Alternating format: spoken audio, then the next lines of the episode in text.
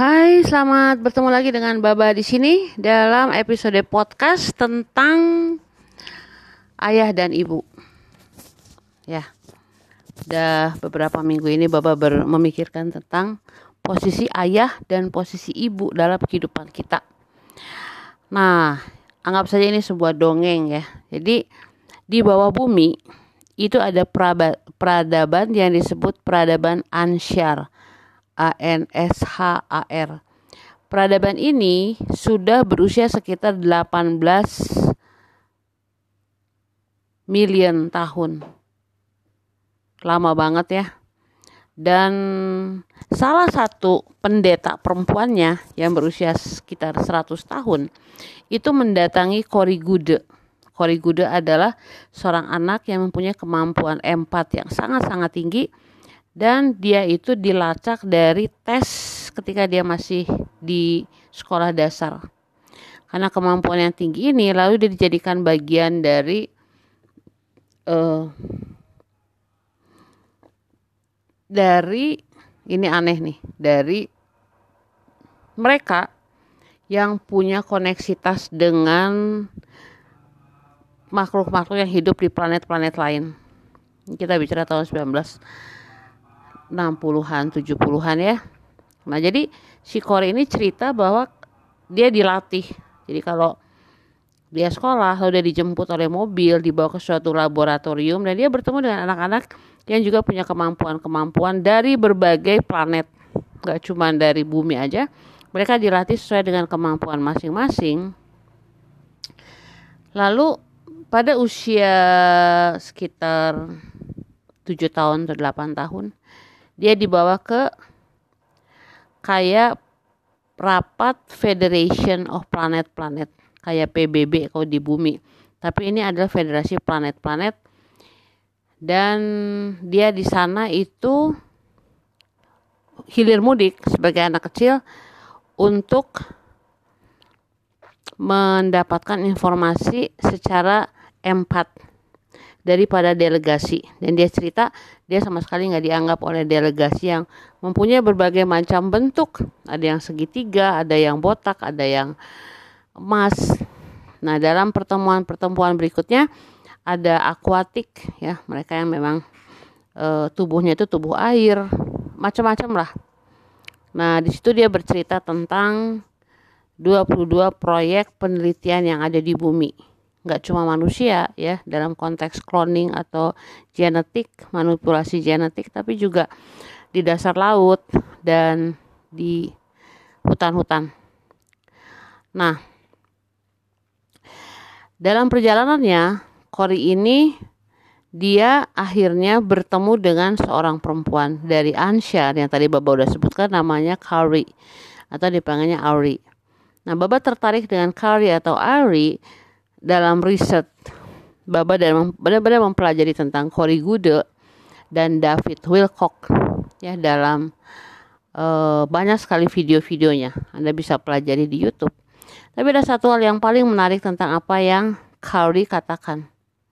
Jadi Kari ini dia berusia sekitar 100 sampai 125 tahun bumi, tapi dia itu yang paling muda di komunitas dia. Karena di dimensi keempat itu manusia hidup sampai sekitar 900 tahun. Nanti di dimensi kelima itu hidup antara eh sampai 30.000 tahun. Jadi lifespan-nya itu lebih panjang. Nah, salah satu hal yang Bapak paling ingat, ingat tentang Kari adalah ketika dia bercerita bahwa di dimensi dia seorang anak itu bukan anak, ayah atau ibu jah. Jadi anak itu memang dilahirkan dari tubuh perempuan, tetapi nanti anak itu dibesarkan secara komunitas.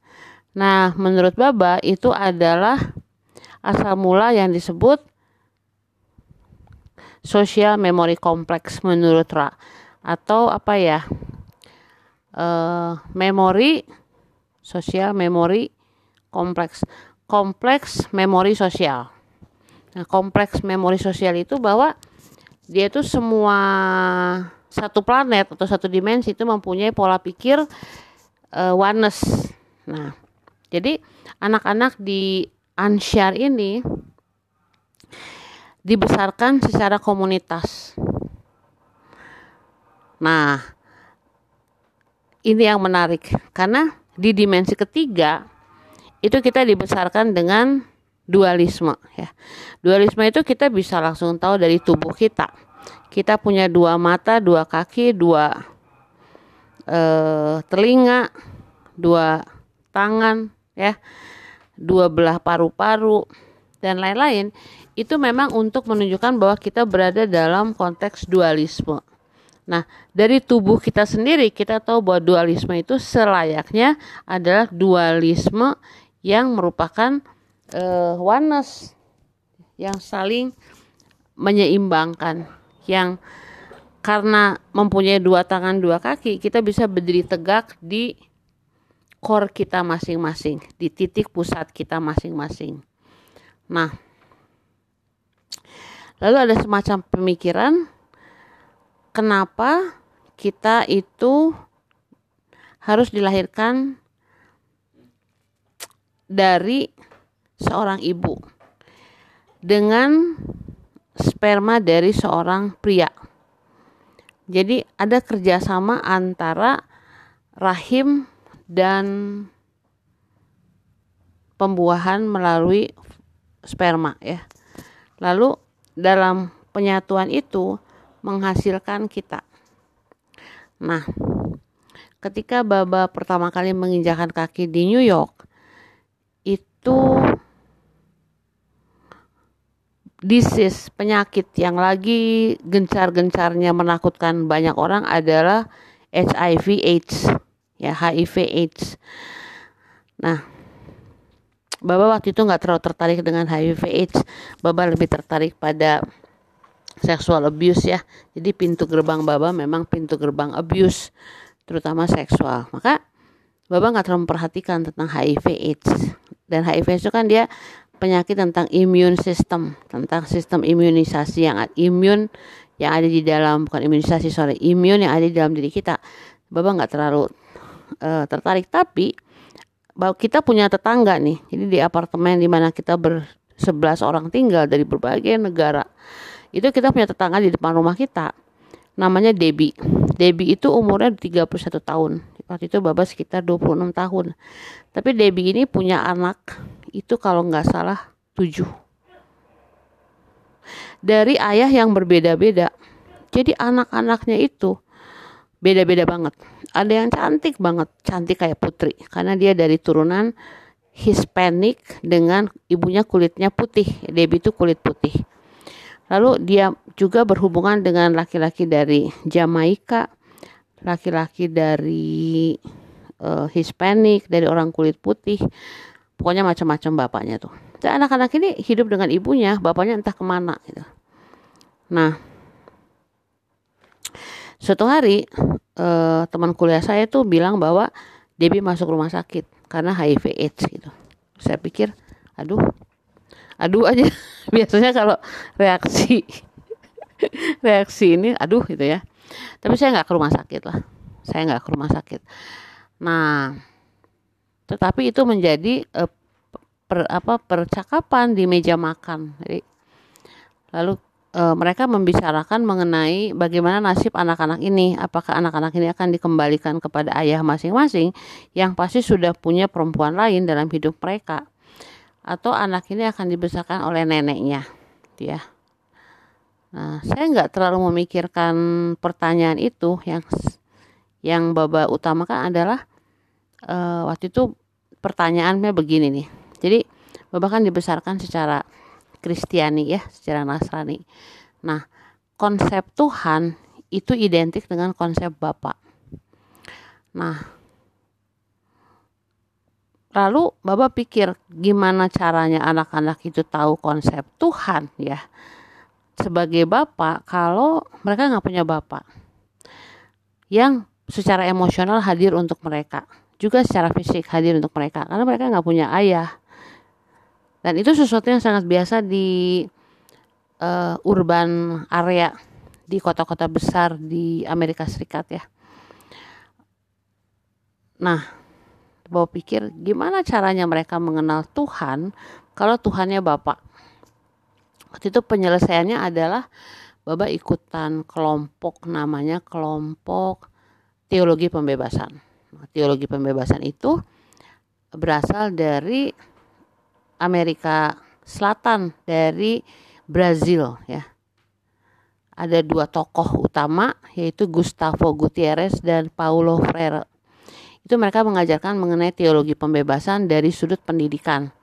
Jadi kalau kita ingin membebaskan diri dari kebodohan, kemiskinan, itu harus lewat pendidikan menurut dua orang imam Yesuit ini ya. Dan mereka juga di ini loh di blacklist sama Vatikan. Nggak boleh ngajarin itu, itu bertentangan dengan ajaran Bapak Paus waktu itu ya. Tapi mereka tetap jalan aja. Lalu untuk pertama kali dalam sejarah gereja Katolik tahun 1970-an itu mereka lalu membagikan kitab suci kepada orang-orang yang ada di Brazil, di Peru, di Bolivia, di Guatemala. Lalu orang mulai membaca kitab suci dan itu adalah pendidikan yang dilakukan oleh dua tokoh tersebut. Nah, selama ini yang membaca kitab suci hanya para imam, lalu mereka menafsirkan menurut pendapat Vatikan sehingga kadang-kadang bentrok dengan situasi reality para petani di daerah-daerah Amerika Selatan yang kebanyakan miskin. Jadi misalnya gini ajaran berbahagialah orang yang miskin karena mereka adalah pewaris kerajaan Allah gitu. Itu ajaran itu membuat orang miskin tetap miskin dan orang kaya nggak mengambil ayat itu sebagai acuan hidup mereka ya mereka tetap kaya raya. Jadi gap antara kaya dan miskin begitu besar sehingga teologi pembebasan itu mulai dikembangkan tahun 1970-an itu pada zaman Pak Harto itu dilarang di Indonesia. Jadi teologi pembebasan itu dilarang di Indonesia. Tetapi sekarang bahkan e, Bapak pernah dengar Bapak pernah baca salah satu menteri pendidikan itu malah pakai dasar-dasar ajaran Paulo Freire dan Gustavo Gutierrez untuk menanamkan apa yang disebut sebagai uh, pendidikan yang membebaskan. Oke, okay. Bapak terlalu banyak menyimpang, tapi intinya gini. Dengan teologi pembebasan itu akhirnya kita dikasih kebebasan untuk berpikir untuk pertama kali. Lalu Bapak mulai berpikir. Kalau misalnya konteksnya Tuhan adalah Bapak, itu nggak akan kena untuk mereka yang tidak punya relasi baik dengan Bapak. Jadi ajaran itu menurut Bapak timpang gitu ya. Nah pada saat yang bersamaan di Amerika Serikat itu lagi dikembangkan teologi pembebasan feminim. Teologi pembebasan feminim, feminim itu punya tokoh namanya Theo Bowman dan Virginia Fabela. Dua orang ini terkenal banget. Mereka mengajarkan bahwa Tuhan itu tidak berjenis kelamin. Jadi kita boleh manggil bapak, kita juga boleh manggil ibu. Jadi akhirnya Baba selalu berdoa eh, kalau doanya tuh gini ya, kalau dalam agama Katolik itu ada yang disebut doa Bapa kami. Jadi Bapa kami yang ada di surga itu Baba ganti jadi Bapak dan Ibu kami yang ada di surga. Bahasa Inggrisnya lebih enak sih daripada bahasa Indonesia our father and our mother who are in heavens ya. Itu lebih nyaman tuh kayaknya lebih enak nih. Masuk akal lah ya. Itu akan menjawab pertanyaan kenapa uh, atau bagaimana mereka tidak dibesarkan dengan sosok ayah yang baik yang menyayangi. Itu uh, bisa mengenal figur Tuhan dengan lebih uh, apa ya lebih menyesuaikan diri dengan pengalaman masing-masing. Nah, itu penting ya. Nah, lalu lalu uh, saya nggak tahu apa yang terjadi dengan Debbie dan anak-anaknya gitu ya. Kalau nggak salah ada yang dibawa sama ayahnya, ada yang ikut neneknya. Bapak nggak nggak nggak ngikutin kisah mereka. Tapi pengalaman bertemu dengan uh, Debbie dan anak-anaknya itu benar-benar menggoncangkan dasar-dasar iman dan akar-akar kuat agamis yang selama ini Bapak percayai. Nah, lalu terjadilah transformasi di dalam diri. Mimpi pertama yang Bapak alami adalah dalam mimpi itu eh, ada kematian, kematian Bapak Uskup di tokoh pimpinan suatu wilayah itu namanya uskup dan dia meninggal. Jadi Bapak ada di situ melihat kematian dia. Lalu mimpi kematian itu diteruskan oleh banyak sekali mimpi-mimpi kematian, kuburan kematian, pemakaman dan lain-lain. Itu tahun-tahun yang paling sulit untuk tidur karena Bapak takut banget. Nah, tetapi itu adalah lambang dari kebangkitan. Jadi pada saat kita mimpi tentang kematian, itu bukan berarti kita akan mati sih, tapi ada sesuatu di dalam diri kita yang memang sudah mati dan hukum alam itu selalu seperti ini. Ketika sesuatu mati pada saat yang bersamaan ada kehidupan yang datang. Dan memang Bapak difasilitasi di negara empat musim di Amerika Serikat sehingga ketika mimpi-mimpi kematian itu terjadi terus-menerus itu musimnya musim gugur dan musim salju, musim dingin, dingin, winter. Jadi rasanya seluruh alam itu ikut eh, mengalami kematian. Nah, lalu ketika musim semi tiba, itu kita melihat bahwa tumbuhan baru mulai muncul dari bawah tanah. Dan di batang-batang yang begitu rapuh ya seperti batang bunga tulips itu yang rapuh ya. Itu kok bisa bertahan ya?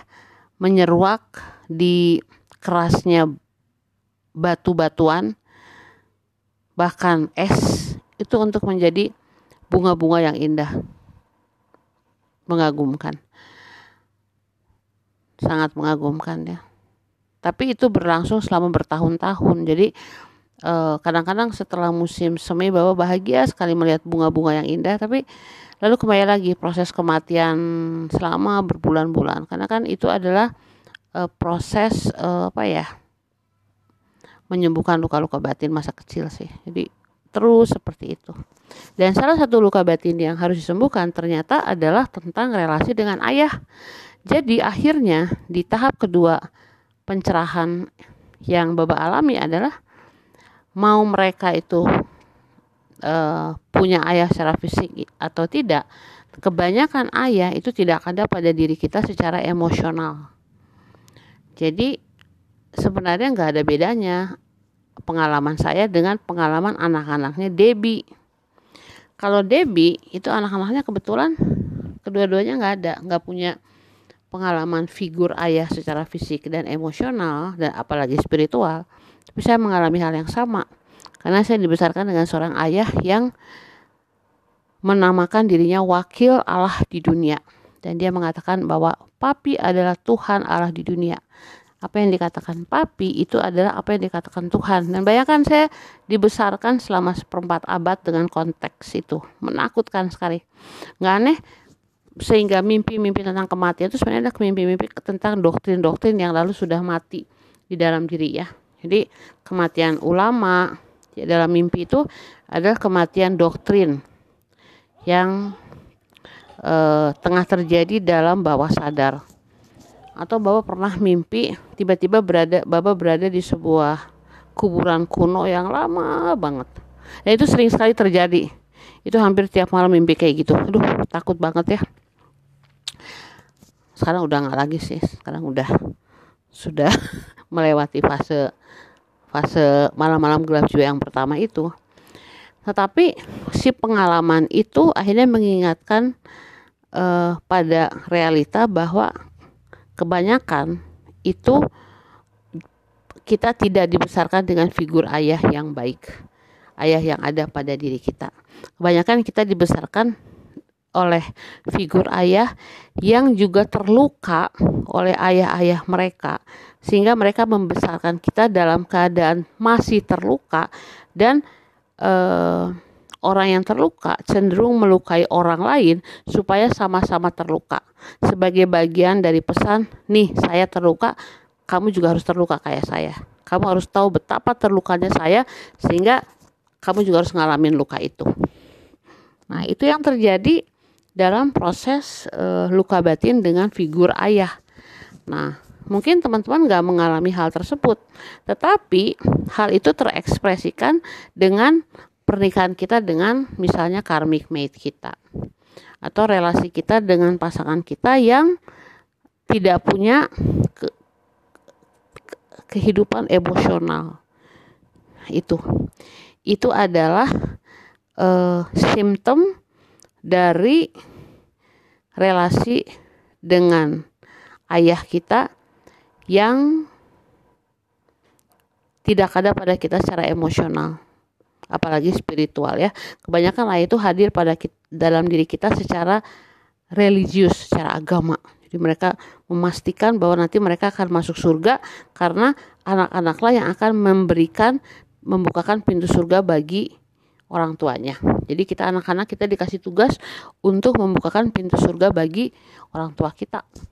Dan orang tua kita juga mempunyai tugas yang sama membukakan pintu surga bagi orang tua mereka sekarang kita tahu dalam masa transformasi itu tidak ada uh, pintu surga yang harus dibukakan ya kita yang menciptakan surga di dalam diri kita dan kita juga menciptakan neraka di dalam diri kita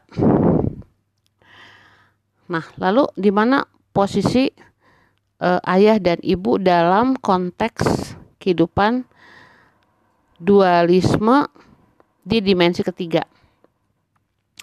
itu sebenarnya yang ingin Bapak ceritakan. Yang ingin Bapak bahas dalam podcast ini. Nah, jadi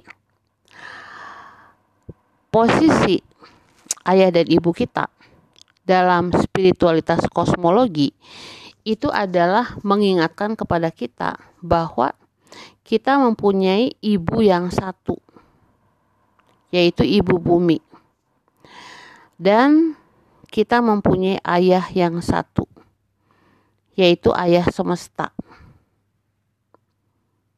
Jadi relasi kita dengan ayah dan ibu menurut spiritualitas kosmologi itu adalah suatu tanda untuk mengingatkan kita tentang realita yang jauh-jauh lebih besar dari sekedar mempunyai pengalaman dengan ayah dan ibu di bumi kita yang melahirkan kita, membesarkan kita, mendidik kita. Ya.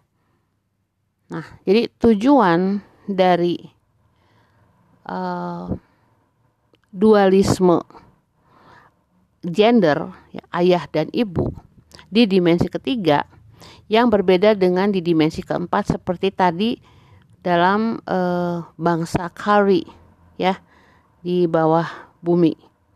Itu kalau nggak salah uh, itu dari Meksiko ya dari Brazil di bawah bumi itu sampai ke Meksiko loh. Dia luas banget di bawah bumi dari Amerika Selatan sampai ke uh, Amerika Utara. Itu kan hampir setengah bumi ya mereka luas banget di bawah dengan sistem irigasi pertanian dan kesehatan yang sangat kuat nah berbeda kalau mereka tuh anak dibesarkan secara komunitas untuk membentuk sosial memori kompleks seperti RA dalam konteks oneness ya dan mereka bisa mencapai 900 tahun dalam kehidupan. Nah, apa sih tugas mereka di bumi ini? Tugas mereka adalah kadang-kadang uh, mereka naik ke atas bumi untuk mengetahui situasi yang ada di atas bumi lalu uh, dengan telepati itu kadang-kadang membantu orang ya. Membantu orang. Nah, uh, tapi di dalam dimensi ketiga kita belum mencapai uh, konteks sosial memori kompleks dan anak adalah anak komunitas ya. Kita masih dalam dualisme ayah dan ibu, lalu ayah dan ibu seakan-akan menguasai anaknya bahwa anaknya itu adalah miliknya. Ayah dan ibu lupa bahwa kehadiran mereka berdua adalah sebagai peringatan bahwa kita itu hidup di dunia matrix. Kita hidup di dunia pattern ya. Bapak udah menjelaskan di beberapa podcast yang lalu bahwa dalam konteks semesta itu dalam konteks kosmologi itu ada yang disebut uh, matrix. Matrixnya beda dengan film Matrix ya. Kalau film Matrix itu benar-benar uh, penyeragaman dalam segala hal. Orang nggak punya kebebasan. Tapi Matrix dalam konteks kosmologi adalah seperti jaring laba-laba. Networking jejaring. Nah, itu adalah matrix yang berasal dari bahasa Latin mother, artinya mama atau ibu. Nah, lalu jaring-jaring laba itu kan ada kayak benang-benang yang menghubungkan satu titik ke titik lain, itu disebutnya pattern. Pattern itu dari father, ayah. Jadi kita adalah kombinasi dari matrix dan pattern dari mother dan father secara kosmologi. Nah, jadi terlepas dari apakah kita mempunyai pengalaman relasi emosional dengan ibu atau dengan ayah, itu nggak penting. Yang penting itu adalah kita menjadi ingat kembali, terutama setelah kabut lupa kita singkirkan. Itu kita ingat kembali relasi kita yang utama, yaitu relasi kita dengan alam semesta yang adalah gabungan dari jejaring matriks dengan pola-pola alur-alur pattern. Bahwa kita adalah satu dengan ibu bumi, tapi kita juga satu dengan ayah ayah bumi merupakan satu kesatuan. Nah, pencerahan ini membuat Baba menjadi lebih uh, nyaman sih. Jadi pertanyaan 30 tahun lalu ya, bagaimana anak-anaknya Debbie itu bisa mengalami pengalaman Tuhan sebagai Bapak yang baik kalau secara fisik mereka nggak punya Bapak secara emosional mereka nggak punya bapak apalagi secara spiritual tetapi kalau kita meningkatkan tingkat kesadaran kita bahwa apa yang kita alami di dimensi ketiga dengan ketidakhadiran figur-figur ayah dan ibu terutama secara spiritual itu tidak menutup pintu kesadaran bahwa yang harus terkoneksikan adalah matriks dan pattern yang harus terkoneksikan adalah hubungan kita dengan ibu bumi dan Bapak semesta. Lalu pada saat kita menerima hal tersebut, lalu menyatukan ayah dan ibu, ya ayah bu, ayah kosmos, ibu bumi kita satukan, maka lalu pengalaman dualisme tidak mempunyai ayah atau ibu itu kita syukuri sebagai pintu gerbang untuk masuk dalam relasi kosmik, kosmos, matrix, pattern, quanes. Gak ada yang sia-sia dalam pembelajaran di dimensi ketiga. Gak ada yang sia-sia. Semuanya sudah didesain sedemikian rupa sehingga kita lalu tiba pada suatu kesadaran bahwa we belong to something much much greater than ourselves. Kita adalah bagian dari sesuatu yang sangat-sangat besar yaitu semesta.